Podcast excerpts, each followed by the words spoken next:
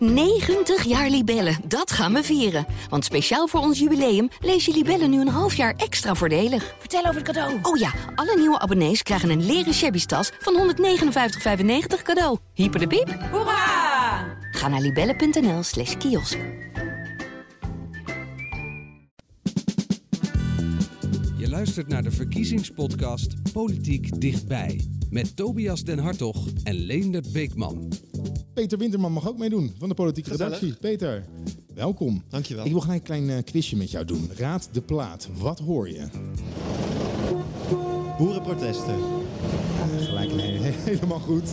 Eh, we gaan het zo meteen namelijk over de boeren hebben. Daarvoor zijn wel, onze we collega's. gingen hebben, ja. Ja. maar ik wil toch even horen of je nou een trekker of een, of een tractor hoorde. Ik ben een boerenzoon, dus ik, ken, ik kan wel zeggen dat ik het geluid van een tractor zou herkennen. Ja. Ja, nou, goed zo. Nou, we hebben het zo meteen over de boeren. We zijn op pad geweest in Zeeland. Onze collega's van PZC zijn daar bij een boer in Middelburg geweest. Zometeen is over boeren en stikstof. Eerst even over het schaatsen, Tobias. Vorige week hadden wij het overspeld. Er komt geen Elfstedentocht. Nee, nee, Koning Winter staat het niet toe. Nee, Ja, blijkt maar weer dat we gewoon altijd eh, gelijk hebben hier. Ja, ja, politiek stonden alle seinen op groen. Maar ja, de, de winter werkte niet mee. Hè? Ja, maar je zei het al, eh, dat ze dat gingen doen in ieder geval. Hè? Want het eh, begon natuurlijk met D66. Ja, Ja, toen ging uh, Wopke Hoekstra om. En toen moest Rutte, die zei vrijdag, ik kan niet schaatsen. En toen zei hij, oh nee, stop, ik kan wel schaatsen. Want ja, een premier die niet kan schaatsen. Dus nou ja, de weg lag open, maar de winter deed niet mee. is er zelf nog eens... Ik vind jou een schaatser namelijk. Ja, ik was schaatsen. Ik heb geijshockeyd gisteren. Ja. Oké, was leuk? ja, niks gebroken. Nee, ja, je zit hier nog, eh, Peter. Ik heb op, met mijn schoenen aan op de Amsterdamse grachten gelopen. Dat vond ik al, eh, dat was voor mij al heel wat. Ik kan echt niet schaatsen. Net als Rutte, denk ik. Maar, eh, dus dat was wel leuk. Eh, maar er waren ook wel feestjes langs de gracht. En daar was geen waterkanon eh, te zien. Eh, dus ja, dat was wel opvallend. Werd niet ingegrepen. Nee, want ze stonden gisteren ook gewoon weer op het Museumplein. Want in de vo- hè, toen het zo hard sneeuwde waren ze er volgens mij niet. Maar gisteren waren ze er wel. En ik zag een foto voorbij komen in ons eh, digitale fotoarchief.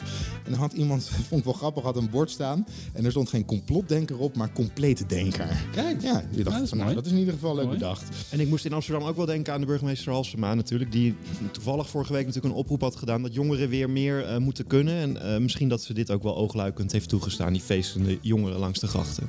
Ja, en ook op straat waren er ook spontaan feestjes. Een DJ die zijn eh, muziek aanzette.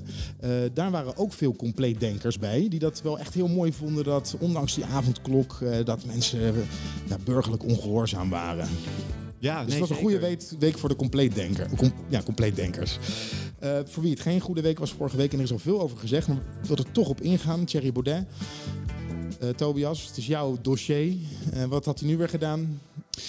Ja, appjes. Weer appjes. Eh, weer gedoe. En eh, nou ja, gedoe is misschien wat oneerbiedig, hè. Maar er waren nu appjes waar, waar, waar zijn vingerafdrukken nadrukkelijker eh, op zaten. Appjes over negers, appjes over intelligentie eh, en ras. Ja, dat is een, eh, een terugkerend patroon bij die partij. En, en nu was het, eh, was het eh, eh, duidelijk dat Baudet zich daar ook in had gemengd. Ja, Baudet zei daar zelf het volgende over. Eh, het is niet zo dat je aan de hand van een appje, wat iemand ooit of eh, heeft ooit eens een keer iets gezegd, of dat je dan de eigenlijke opvatting, zoals in totalitaire regimes het geval was, kunt achterhalen. Dit gaat over gewetensvrijheid, dit gaat over briefgeheim, dit gaat over de meest fundamentele elementen van onze burgerrechten en het gaat ook over dingen die noodzakelijk zijn voor de goede uitvoering van ons vak. Nou, wat ik interessant hieraan vind, is de discussie over de intentie waarmee een appje gestuurd is. Want dat, Ja. is, dat, vinden, dat, dat vinden ze heel erg belangrijk. Vinden heel veel mensen heel erg belangrijk met de vraag...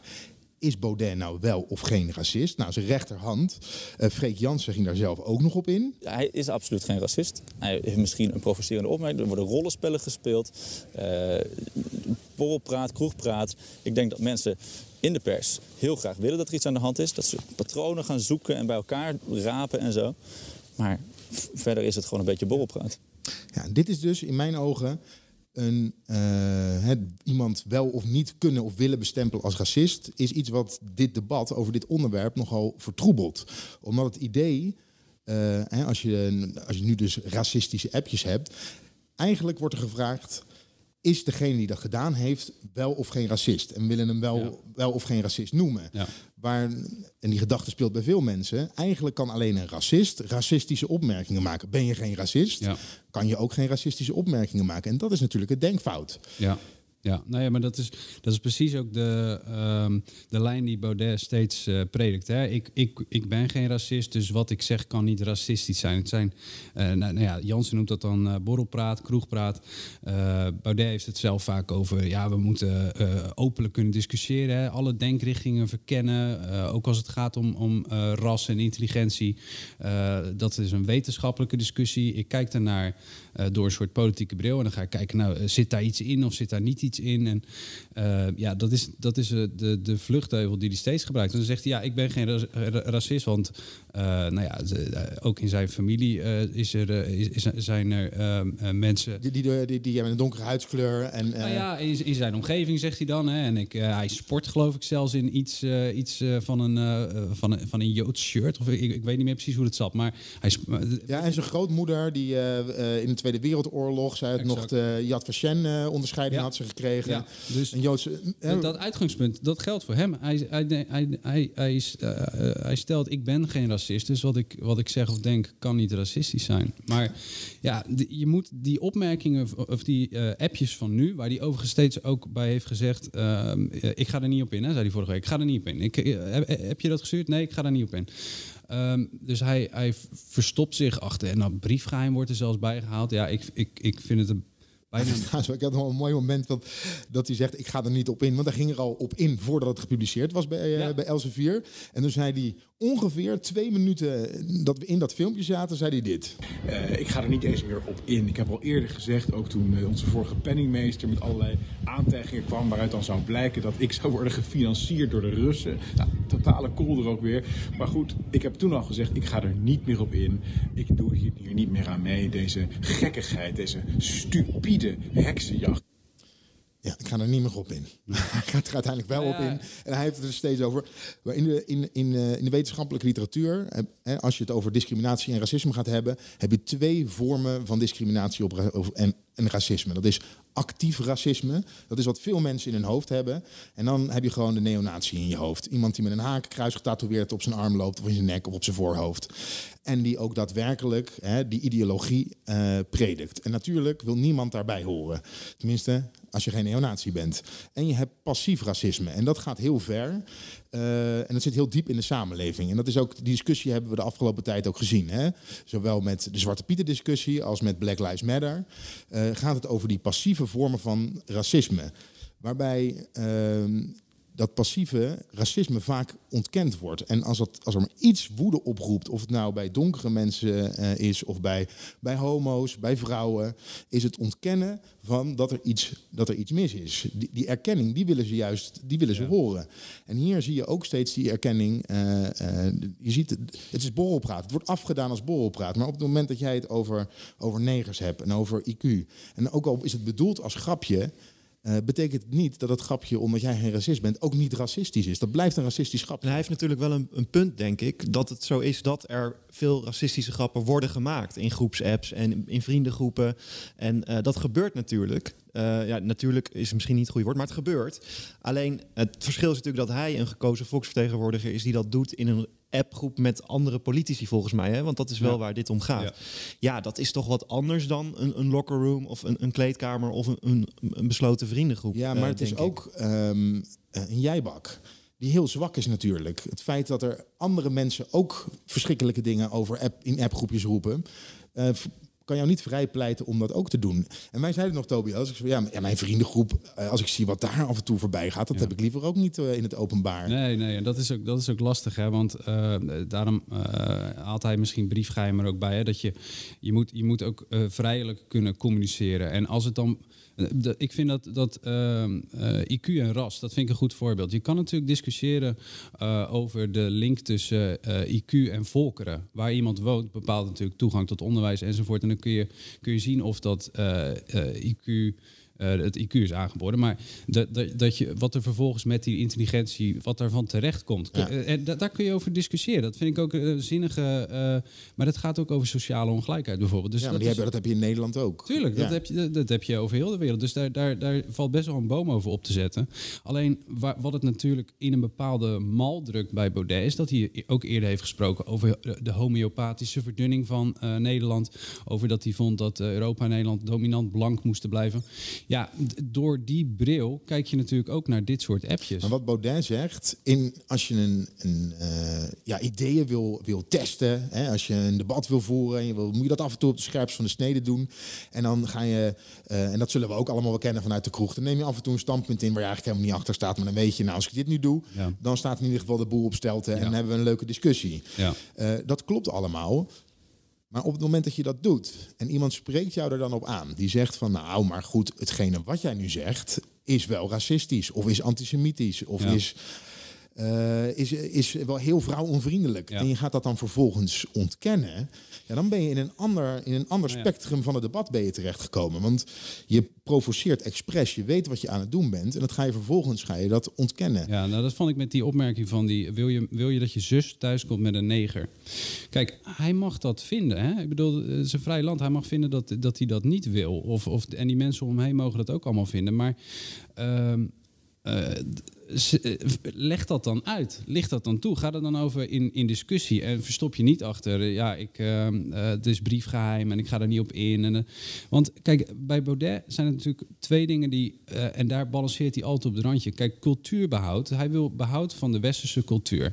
Dat, eh, dat is makkelijker als de westerse cultuur in alle vormen dominant is. Als je eh, de, de ingezetenen eh, die, die zo houdt. Als je de kerk, eh, de kerkelijke staat die we hebben gesticht. Hè, de, de Ja. eh, christelijke cultuur die hier post heeft vervat. Als je die overeind hebt. Als, dat, als eh, het aantal eh, moslims bijvoorbeeld niet dominant worden ten opzichte van de christelijke waarden. We- We kunnen het kort samenvatten. Het komt er eigenlijk op neer dat de blanke, hoogopgeleide, heteroseksuele man... die moet in ieder geval de touwtjes in handen houden. Nou, of ga dat ik nu vind te ik te kort door de makkelijk. man? Ja, dat vind ik te makkelijk. Want het gaat over conservatisme van je cultuur. En daarin raakt Baudet natuurlijk een snaar bij zijn achterban. En en, en dat, dat kun je prima aanhangen. Er is niks mis mee. Eh, dat is gewoon een politieke stroming. Alleen waar het zich vermengt met rassendiscussie... ja, dan moet je ofwel op je tellen passen... of jezelf eh, nader verklaren. En dat, dat, dat beide liet hij na. Ja, maar wat zijn tegenstanders in mijn ogen verkeerd doen, ehm, is dat ze hem ook heel graag willen wegzetten als racist. En het doet er eigenlijk niet zoveel toe of hij nou wel of geen racist is. Tenminste, het doet er wel eh, enigszins, het doet er uiteraard wel toe, maar ze willen hem wegzetten als racist. En hij kan altijd zeggen: het feit dat ik dit zeg, betekent niet dat ik een racist Tuurlijk. ben. En daar heeft hij eigenlijk gewoon gelijk in. Hè, wat Freek Jans ook zegt, zijn intenties, de intenties zijn anders. Maar geef dan wel toe, en dan moeten we de denk ik afsluiten, maar geef dan wel toe dat het in ieder geval een racistische opmerking is. Ja, nee, kijk, eh, kijk, kijk naar zijn handel in de Kamer. Hij heeft geen motie ingediend eh, die, die evident racistisch is, voor zover ik weet. Ik bedoel, er is niet een. eh, maar het is dat flirten met die extreemrechtse standbeelden. Ja, wat hem natuurlijk misschien electoraal een, een groep oplevert, een groep kiezers oplevert. Maar wat hem ja, in- voor, voor de mainstream media, de mainstream Nederlander, denk ik, af en toe in opspraak brengt. Maar denk je dat dit nog politieke gevolgen heeft dan, Tobias? Nou, ik- kijk, de- er is zoveel eh, achterban afgekalfd. Er is nu, ze staan op vier, vier, vijf zetels in de peiling. Ja, ik denk dat dat eh eh, diehard aanhangers zijn die ofwel denken van... eh, ik, ik vind het niet erg dat hij dat zegt. Ofwel die denken, nou, ik geloof dat hij echt geen racistische eh, agenda voert... maar dat hij gewoon af en toe deze randen opzoekt. Ja, maar in ieder geval hebben de VVD en het CDA al gezegd... we gaan niet in een kabinet zitten met, eh, met Baudet. Welke van de twee wil je horen? Rutte of Hoekstra die daar iets over zegt? Nou, doe eerst Rutte maar. Eerst Rutte. Ik zag het eigenlijk al niet gebeuren, maar na deze verschrikkelijke appjes, die passen overigens wel in een beeld wat we al langer bij hem zien, eh, is het landelijk echt onmogelijk geworden om met hem in het kabinet te gaan zitten. Dit is racisme. Weet je, eh, eh, die, eh, ja, dit, deze, deze appjes die gaan alle grenzen over. Alle grenzen over. Het is zo walgelijk, homofoob, racistisch. het is echt verschrikkelijk. Dus het is luid en duidelijk. Samenwerking in een nieuw kabinet met Forum voor Democratie. Streep erdoor. Gaat niet gebeuren onder Mark Rutte. Onder Mark Rutte en de VVD is dat niet mogelijk. Nee, gaat niet gebeuren. Peter Winterman. Eh, nou staat hij er ook niet zo goed voor in de peilingen. Thierry Baudet? Nee. Nee, eh, Rutte wel natuurlijk. Ja. Dus die kan dit makkelijk roepen. Maar eh, Baudet staat op vier zetels ge- gemiddeld in de peilingen. Dus dat is niet, niet zo best meer, nee. Nee, het was natuurlijk rond de Europese verkiezingen heel veel beter. Ben jij nou verbaasd over dat, dat het er nog vier zijn? Of dat het er maar vier zijn? Ik denk dat het vooral heel erg achteruit gegaan is ook door door de, stand, de corona-standpunten van Forum voor Democratie. Ze, die hebben ze echt omarmd. Wieberen van Haga, wel bekend natuurlijk. Hè, dat corona eh, een zware griep is en dat het allemaal wel meevalt met die coronadoden. Dat heeft echt de grote leegloop bij Forum eh, veroorzaakt. Plus natuurlijk alle interne gedoe en onrust, hè, Tobias? Ja, die implosie is echt... Die implosie na de eerste eh, golf van appjes hè, rond Freek Jansen ook... en het niet ingrijpen bij de jongerentak... Dat, dat zorgde voor de totale implosie van de partij. Maar wat Peter zegt klopt wel. Het, eh, INO Research deed toen eh, destijds eh, kiezersonderzoek... Eh, en die zagen al dat de helft van de achterban van Baudet... helemaal niet eh, die, die koers wil varen eh, eh, die hij vaart.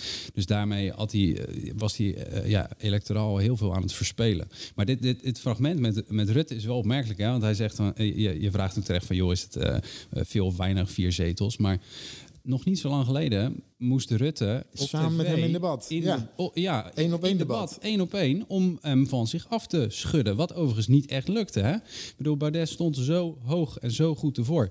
Dat Rutte, die, die ziet natuurlijk nu Baudet in de hoek liggen. En die denkt, nou, ik ga er nog even een keertje op staan. Want hij zegt, ja, ik ga niet met hun in het kabinet. De mensen die hopen dat, bij Forum, die hopen dat ehm, Baudet eh, eh, in het kabinet zou komen.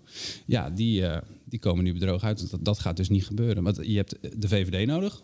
En het CDA waarschijnlijk. Nou, het CDA gooide ook deze week de deur dicht. Ja, en een echt grote rol in eh, de verkiezingsstrijd gaan ze niet spelen, die overigens wel begonnen is. Zo vertelde Rutte ook in op één. Dus u zult mij de komende weken ook in de ca- campagne aan het werk zien, ook bij debatten. Eh, maar uiteraard alleen als dat mogelijk is naast mijn hoofdtaak. En dat is nu toch met het kabinet, met Hugo de Jonge, eh, ervoor zorgen dat we deze pandemie, deze verschrikkelijke, eh, dit verschrikkelijke gevaar voor onze volksgezondheid bestrijden. Dat gaat natuurlijk voor. Ja. Ja, het is een beetje flauw eh, om te zeggen, maar ehm, zijn belangrijkste... eh, eh, en ik bedoel, die, die, die crisis bestrijden, de coronacrisis bestrijden... dat is natuurlijk prio 1, 2 en 3 bij Rutte. Hè. Maar zijn grootste asset, zijn grootste kracht in deze campagne... is ook dat precies. Ja, en Niels Klaassen, onze collega-verslaggever, die had een, een mooi stuk over de Catch-22, waarin de andere partijen nu eigenlijk zitten in de krant staan. Ja. Dat is, corona is het onderwerp. En er zijn veel mensen die zich achter de leiders scharen in deze in tijden van crisis. Dus dat komt de VVD ten goede. Eigenlijk wil je hem aanvallen op dit onderwerp, maar ook dat, eh, dat kan niet. Want de mensen die, de partijen die, als je te hard tegen nu, tegen de leider en tegen het coronabeleid ingaat, kost het je ook eh, zetels. Dus Ja. ze zitten eigenlijk, ze kunnen geen kant op. Nee, we zitten, zitten wel behoorlijk klem. Ja, Ze Peter- proberen het, hè? ja, jij hebt heel veel van die debatten gevolgd. Ja. Maar ja, wat is het uitlekgewicht uiteindelijk? En, en campagneleiders ook gesproken die echt proberen om klimaat, hè, Sigrid Kaag, ehm, eh, grote bedrijven, eh Lilian Ploemen, om dat op de kaart te zetten. Ehm, maar ik sprak ook de campagneleider van de VVD, Sofie Hermans. En zij zegt ook, ja, maar als je mensen op straat vraagt, waar houden ze zich mee bezig? Is toch corona. Dus het is logisch dat de campagne daarover gaat. Heeft ze natuurlijk een punt. Maar het is ook totaal hun belang om al die andere onderwerpen, ja, eh, ook belangrijk, hè, maar het gaat toch echt om corona. Dat is natuurlijk wat de VVD eh, wil uitstralen. En waarmee Rutte eh, nu vier aan kop staat in de peilingen, inderdaad. En die andere partijen, ja, die, die proberen het echt wel. En het zal ook wel wat meer lukken, denk ik. Zeker die debatten. Het kan natuurlijk niet alleen over Nee. corona gaan. Eh, maar eh, ja, eh, ondertussen zit dat wel in de hoofden van de mensen. We gaan het in onze eigen studio zien, hè, van AD Video. Want bijna alle lijsttrekkers, in ieder geval van de grote partijen, die komen voorbij. We zijn nu, het is nu maandag. Vandaag staat Liliane Ploemen van de Partij van de Arbeid staat hier in de studio. We hebben de, linkse week, want eh Lilian Marijnissen van de SP komt ook nog langs. En Jesse Klaver van, van GroenLinks. Maar uiteindelijk komt, zelfs Baudet komt hier nog heen. Wilders is nog de vraag.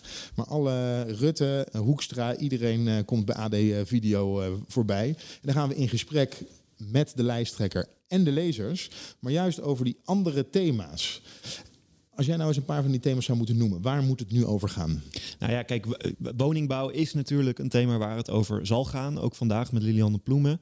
Eh, want eh, we komen honderdduizenden huizen tekort in Nederland. De, de, de, het is onbetaalbaar. Veel mensen kunnen geen huis vinden.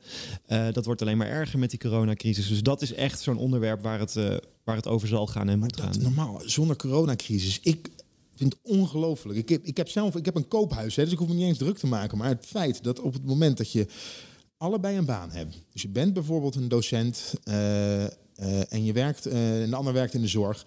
Dan kan je, ik kom uit Leiden, kan je in Leiden geen huis meer kopen samen. Dat is toch te gek voor woorden dat dat, dat, dat, nu, dat, dat nu zo, dat we, dat we daar gekomen zijn.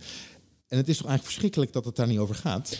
Nee, het, het, gaat er natuurlijk wel over, maar niet zoveel. Maar het probleem is ook een beetje dat alle partijen dat heel erg vinden. En dat ook iedereen daar wel wat aan wil gaan doen in het verkiezingsprogramma. Dus er komt straks een minister voor, van Wonen. Die komt er gewoon, dat is eigenlijk al zeker. En er komt meer geld voor beschikbaar. Dus daar zit ook niet echt spanning op, hè, dat er hele grote verschillen willen. Kijk, de VVD zal iets minder doen voor de sociale huurders dan de PvdA.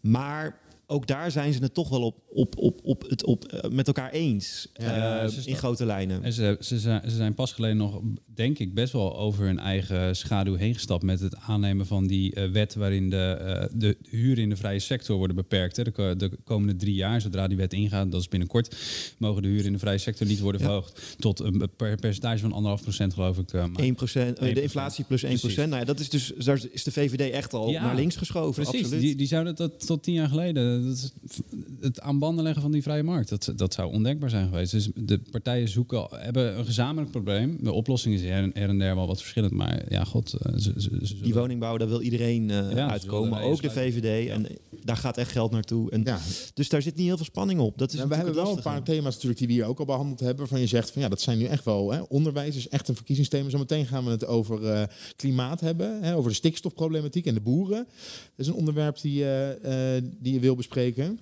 Eh, maar en misschien dat we, dat, dat zei je bij de eerste podcast, zei je dat Tobias, dat we, dat we het ook niet te groot moeten maken. Want uiteindelijk gaat het vaak toch gewoon om de debatten vlak voordat eh, dat er gestemd moet gaan worden. Ja, uit alle kiezersonderzoeken bl- blijkt, ja, of dat spijtig is, weet ik niet, maar op- uit, uit heel veel kiezersonderzoeken blijkt dat de, eh, de meeste kiezers die zweven tot, tot een- paar dagen voor de verkiezingen, zelfs tot op de dag van de verkiezingen. Dus dat is echt een last minute. Ja, en die debatten besluit. zijn ongelooflijk belangrijk. Eh, überhaupt, hoe de lijsttrekkers zich natuurlijk in de media eh, nou, laten zien. Jij wilde een fragment laten horen van Samson van de Partij van de Arbeid en Rutte uit 2012. Laten we die eerst luisteren of wil je hem eerst toelichten? Nee, laat maar luisteren. Nou doet u het weer. Wij, verla- wij verlagen belastingen. Bij ons gaan de bedrijven minder belasting betalen dan in uw programma. gaat enorme u maar- energieheffing invoeren. En die compenseren we aan de andere en wat kant. denkt u dat er Dus gebeurt met bedrijven als u dat Meneer invoert? Rutte, u doet het weer. U doet het weer. U, doet voert weer weer. allerlei belastingen. U, u vertelt dat wij de staatsschuld laten oplopen. Bij ons is de staatsschuld in 2017 lager dan bij u. Zegt u dat hij jokt? Nogmaals, het is een klein dingetje. Zegt u dat hij Maar omdat u afgelopen zondag ook al mijn collega op deze manier klemreed... maak ik er wel een punt van. Meneer Roemer, In een, Samson. in een democratie mogen mensen van mening verschillen... en mensen mogen uw mening u ondersteunen gaat- en de mijne. Waarom wil je dat horen, Tobias? Nou ja, de, wat, wat er nu eh, wat er momenteel aan de gang is, en dat, daar krijgt de, de, de kijker en de kiezer en de, luister, of de, de, de lezer en de luisteraar niet zoveel van mee, maar is dat er achter de schermen enorm wordt gevochten over wie er in welke debatten aanwezig moet zijn.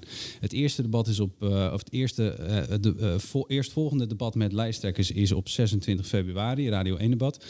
Ehm, maar kort daarna is ook de, het debat op RTL. En daar, het is altijd een beetje een strijd. Ze willen niet te veel lijsttrekkers op zo'n podium. Want het wordt te druk en on- onoverzichtelijk en de- dan gaat het te lang duren. Dus het moet, er wordt dan een selectie gemaakt. En de afvaller in dit geval is Lili- Lilian Ploemen eh, van de PvdA. Die, eh, ja, die heeft geen plekje weten te verwerven. Heeft ze daar nou niet hard genoeg voor gewerkt? Ja, ik denk het wel, maar ergens, ergens, ja, eh, eh, eh, ergens houdt het ook op natuurlijk. Hè. Je kan natuurlijk, eh, eh, eh, en dat, daarom wilde ik dit fragment even, even laten horen. Want Samson heeft destijds in die eh, verkiezingscampagne van 2012 echt achter de schermen stennis geschopt, ruzie gemaakt, gescholden en gevloekt. Net zolang tot hij een plekje kreeg op die podia. Want het was uiteindelijk is eh, de PvdA nipt kleiner eh, geworden dan de VVD bij die verkiezingen. Mhm. Maar fors gewonnen. Maar het, het was een dubbeltje op zijn kant. Of hij, had, eh, hij was er niet tussen gekomen in die campagne. En dit was een, eh, een fragment in het debat Knevel van der Brink. Waarin hij zei, meneer Rutte, nu doet u het weer. En dat vulde hij later aan in een ander debat met... ik vertel het eerlijke verhaal. Dat is niet het leukste verhaal, maar ik vertel het eerlijke verhaal. En dat gaf die cam- campagne een dynamiek... Het gaf hem een enorme boost. En die campagne dynamiek van een tweestrijd tussen de VVD en de PvdA.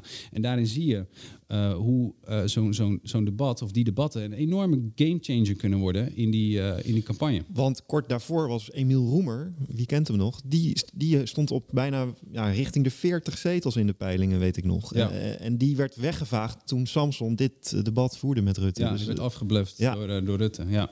Dus dat, het is die, die voor- tra- dat is de tragiek van de SP. Ik kan me herinneren de eerste keer volgens mij dat ik mocht, eh, mocht stemmen. Begin 2000. Eh, ik denk dat dat na het... Ben je al zo oud? dat ik mocht, ja, ik ben zo oud, ja. maar dat Marijnissen, eh, ja, Jan, de vader van, hè, eh, dat hij ook gewoon op 30 zetels in de peilingen stond. eh, en dat alles, alles verdampte. altijd iets te vroeg. Ja, ja, inderdaad. vroeg. Hey, we, gaan, eh, we gaan wel door met een, eh, met een volgend onderwerp. En dat is wel een verkiezingsonderwerp, want we gaan het hebben over de...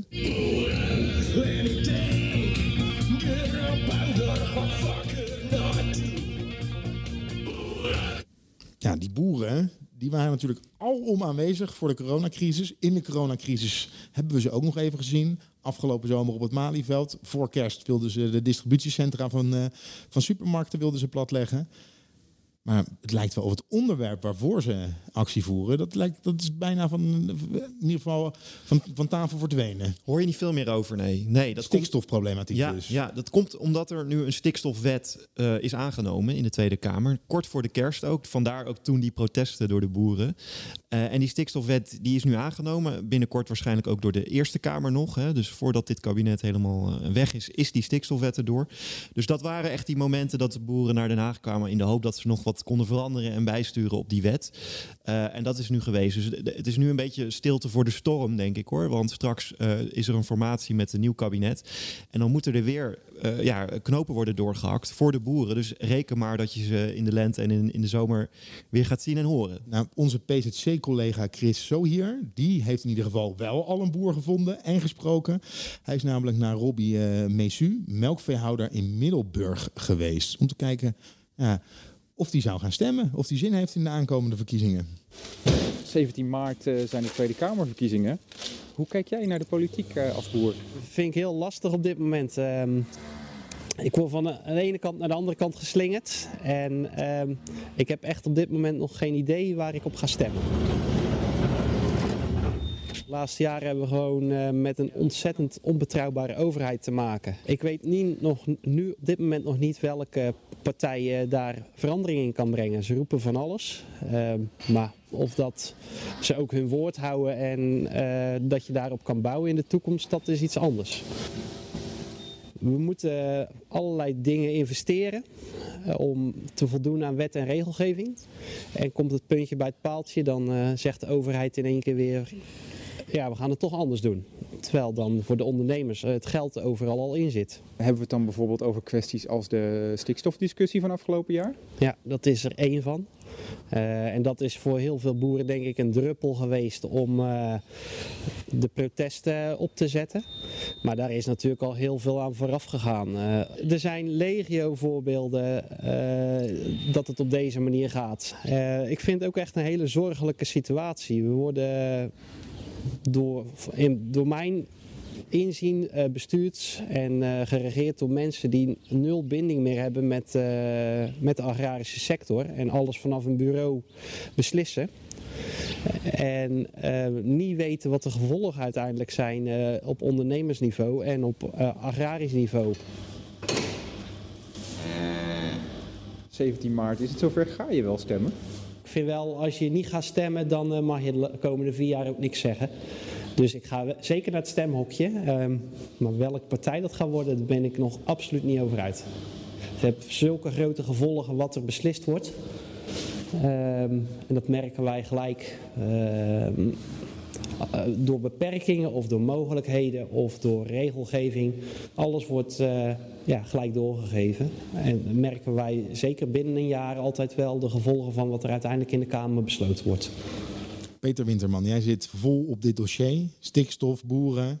Begrijp jij, of ja, snap je wat deze boer zegt? Ik snap het helemaal. Want het, het punt is, deze boeren hebben de afgelopen jaren, decennia gestemd, traditioneel op CDA en VVD. De, de, toch wel de partijen die voor de boeren opkwamen, zeiden op te komen. En ook zeiden we, jullie zijn ondernemers, eh, jullie moeten niet te veel in de weg worden gelegd, niet te veel regeltjes. Er zijn al veel regels uit Brussel, maar daar gaan er niet meer bij komen. En wat je nu ziet eh, de laatste jaren, door een uitspraak van de hoogste rechter in ons land, zijn ook CDA en VVD gedwongen om toch eh, met een stikstofwet te komen en beperkingen voor boeren. Dus in 2035 moet de helft minder stikstof in Nederland worden uitgestoten. Dat wordt nu in de wet geregeld. En dat heeft grote gevolgen, want de boeren met hun vooral melkkoeien, deze boer dus ook, zijn de grootste uitstoters van eh, stikstof, ammoniak. En zij moeten nu ja, of stoppen, hè, vrijwillig, dat wel, maar of ze moeten weer opnieuw investeringen doen. En hij had al zoveel investeringen gedaan, deze boer, om dus minder stikstof eh, uit die stal te krijgen. Dat kost heel veel geld, daar komen dan wel weer subsidies voor, maar het geeft natuurlijk heel veel onzekerheid voor de boeren. En eh, ja, die, die vaste waarde voor hun, CDA, VVD, die, ja, het voel, eh, voor hem voelt het ook alsof hij in de steek gelaten is door die partijen. Maar waar moeten ze dan heen? Want we hadden Sigrid Kaag hadden we in de krant staan. En die zei ook gewoon, ja, die eh, linksom of rechtsom, die veestapel gaan we gewoon eh, eh, met 50% verminderen. Blijven niet zoveel smaken over. Er zijn twee partijen eh, die dan redelijk groot zijn in de Kamer. Die zeggen die boeren eh, stikstofprobleem dat bestaat niet. Nou, je kan het misschien raden. Dat zijn de PVV en Forum voor Democratie. Die partijen eh, die hebben nu ook meer achterban gekregen onder de boeren. Dus je zult ook zien dat veel boeren op, op, toch op die partijen zullen gaan stemmen. En niet meer op CDA en VVD. Het aantal boeren is kleiner geworden hè, in Nederland. Dus ook voor het CDA, ja, het was twintig jaar geleden een enorm belangrijke doelgroep om die boeren maar binnenboord te hebben.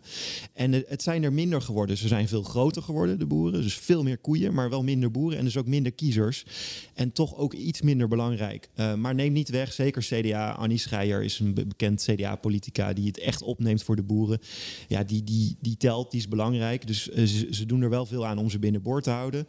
Maar de komende jaren, ook het CDA en ook het VVD, het staat ook in hun Ze schrijven ook, ja, de, de boeren moeten geholpen worden om minder stikstof uit te stoten. Dus dat probleem, stikstof, dat wordt wel erkend door die partijen en die zeggen er moet wat aan gebeuren. Maar D66, GroenLinks, PvdA, die partijen die willen nog veel meer dan CDA en VVD. Die willen echt dat de veestapel fors inkrimpt.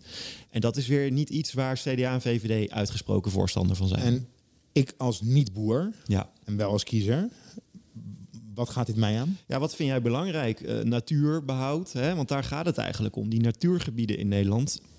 Er zijn er een, een flink aantal. Hè? Het hei en eh, de, nou ja, de Wadden, de Ogenpark, de, eh, Nationaal Park de Veluwe, maar ook kleinere natuurgebiedjes overal. Hoe belangrijk vinden we dat die in stand blijven? Hè? Voor de biodiversiteit wordt dan genoemd. Vind jij dat belangrijk als kiezer? Ja, dan, dan, dan zal er toch iets moeten worden gedaan aan die landbouwsector in Nederland. Die zal kleiner moeten worden, die zal moeten veranderen. Maar vind jij het belangrijk dat wij al hè, dat wij veel melk maken, veel vlees produceren in ons land en dat we dat ook massaal exporteren, dat we daar voorloper in zijn in de wereld? Dan moet je dus op wat rechtsere partijen gaan stemmen. Ik zag eh, op Facebook een dochter van een, eh, van een boer. Eh, van een melkveehouder. Die zei, ja, ik weet exact de cijfers niet uit mijn hoofd, maar pakweg 30 jaar geleden hadden we 16 miljoen koeien en het zijn er nu nog maar, eh, nog maar 4 miljoen, eh bij wijze van spreken. En als je naar het vlieggedrag kijkt, dat is wel, hè, dus kortom, dat is minder geworden. Als je naar het vlieggedrag kijkt, dat is alleen maar toegenomen. Er zijn meer auto's op de weg gekomen. Wij zijn het probleem niet. is wel interessant hoor, want toevallig vandaag zijn er nieuwe CBS-cijfers gekomen waaruit blijkt dat er net weer wat meer melkkoeien waren vorig jaar dan het jaar daarvoor. Tuurlijk, het zijn er fors minder hoor dan een, dan een groot aantal jaren geleden, maar het is niet zo dat we nu heel hard aan het snijden zijn in de veestapel. Dat gebeurt niet. Eh, er stoppen wel veel boeren, maar daar komen dus grotere boeren voor in de plaats. En als ik nou lekker wil blijven vliegen, hè, een weekendje, een weekendje naar Londen, Barcelona, er is veel eh, stikstof wordt er uitgestoten. Eh, is het dan, heb ik er belang bij dat er minder boeren zijn? Die, eh, Ja, dat is wel heel eh, bot gezegd, maar ja. ja, want er moeten keuzes gemaakt er worden. moeten toch? keuzes bedoel, gemaakt Als ik worden. lekker op de snelweg 130 wil rijden, dan zullen er ook minder boeren We hadden het net ook al even over dat woningbouwprobleem. Hè? Ik bedoel, dat is dus ook een probleem. Wil je meer huizen bouwen, dan moet er ook minder stikstof zijn. Want anders kun je niet eens die huizen bouwen. Dat is een soort padstelling Ja, waar en we als nu je ook dan in boer zitten. bent, dan zeg je ja, wij worden van, ieder, we worden van alles en iedereen de dupe. Van mensen die willen vliegen, van mensen die 130 willen rijden, van de huizen die er gebouwd worden. Wij krijgen de schuld, wij moeten, moeten inkrimpen eh, om dat andere allemaal mogelijk te maken. Ja, nou, eh, wel interessant wat Esther Ouwehand van de Partij voor de Dieren dan zegt. Dat is omdat, volgens haar dus, hè, dat eh, er, dat die boeren decennia lang gepamperd zijn door VVD, CDA, de Ik grootste zie Tobias gelijk knikken. Nou ja, even stil. de- de- die, boer die, die boer die we zojuist hoorden, die had het ook over de onbetrouwbare overheid. Hè? Dat, en het is natuurlijk ook, de, de- wij hebben natuurlijk, de- eh, we, we zijn allemaal eh, eh, ja, faci- facilitators, hè, zeg je dan. Hè? We, we hebben het gefaciliteerd natuurlijk dat ze in deze richting zijn gegroeid. En nu het onhoudbaar eh, blijkt, eh, ja, zou je toch ook die boeren tegemoet moeten komen om af te kicken van het verdienmodel waar we ze bij hebben geholpen, denk ik. Ehm, Zeker, en daar wordt nu ook eh, de begroting van het ministerie van Landbouw is, eh, is verdubbeld door de stikstofwet. Dus die hebben straks 2 miljard euro eh, per jaar uit te geven. En dat zal inderdaad veel gaan naar compensatie voor boeren. Die moeten stoppen of die toch ja, schonere machines gaan moeten gebruiken. Waardoor ze dus die stikstof eruit kunnen filteren in hun stallen. Dus daar gaat echt veel geld naartoe. Hè? Dus we moeten ook niet doen alsof de boeren de, de, nek om wordt gedraaid en dat ze op straat komen te staan. Alleen het is heel pijnlijk, want het zijn familiebedrijven Ja. die al in generaties meegaan. En, en ze hebben jonge kinderen waarvan de zoon ook boer wil worden. En dat dreigt dan te stoppen en geeft veel onzekerheid. En ik moet zeggen, de stikstofwet die er nu ligt, biedt nog heel veel ruimte. De, eh, er zijn, de, milieuorganisaties vinden dat die niet ver genoeg gaat. De boerenorganisaties vinden dat die veel te ver gaat. Dus daar zit nog, eh, er is een doel gesteld, 50% minder stikstofuitstoot eh, in 2035. Maar de weg daar naartoe en hoe we dat gaan, precies gaan doen en welke maatregelen er precies gaan, gaan komen.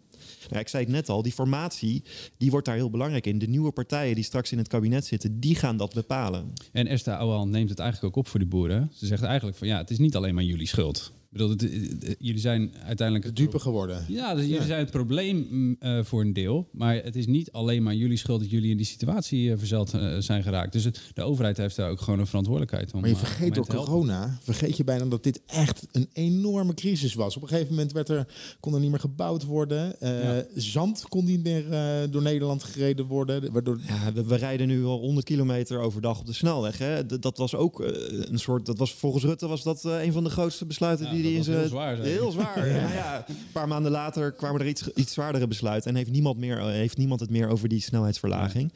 Eh, maar eh, we zijn nog niet klaar daarmee. Zeker. En eh, als corona, eh, laten we hopen dat corona weer naar de achtergrond verdwijnt, dan zal dit helemaal weer oppoppen. En wordt wordt dit echt de politieke discussie voor de komende jaren. En die boze boeren, die blijven naar het binnenhof komen. Dat kan ik je garanderen. Ja, tot slot, volgens mij was het in het weekend dat de avondklok werd, eh, niet de avondklok, de eerste coronamaatregelen bekend werden gemaakt. Die maandag daarop was het de eerste dag dat we 100 moesten gaan rijden. Als ik het goed heb. Zeker, Nee? dat was half maart. Ja, dat was half maart. Toen ging die snelheidsverlaging Tobias in. voor. eh, ja, ik weet nog dat we namelijk voor de live nieuws update bij AD Video. dat we dat klaar hadden staan. En dat we dat hebben gezegd. Nou, dat is nu, nu, nu is dit niet meer belangrijk dat we 100 moeten gaan rijden. Dan mogen de Toen snelweg. kwamen eh, al die nieuwe bordjes er en zo. Die eh, moesten hals over kop ge- gemaakt Ja, worden. die, ja. die nieuwe borden langs de weg. Ja, dat was toen en daar had niemand het meer over. Nee.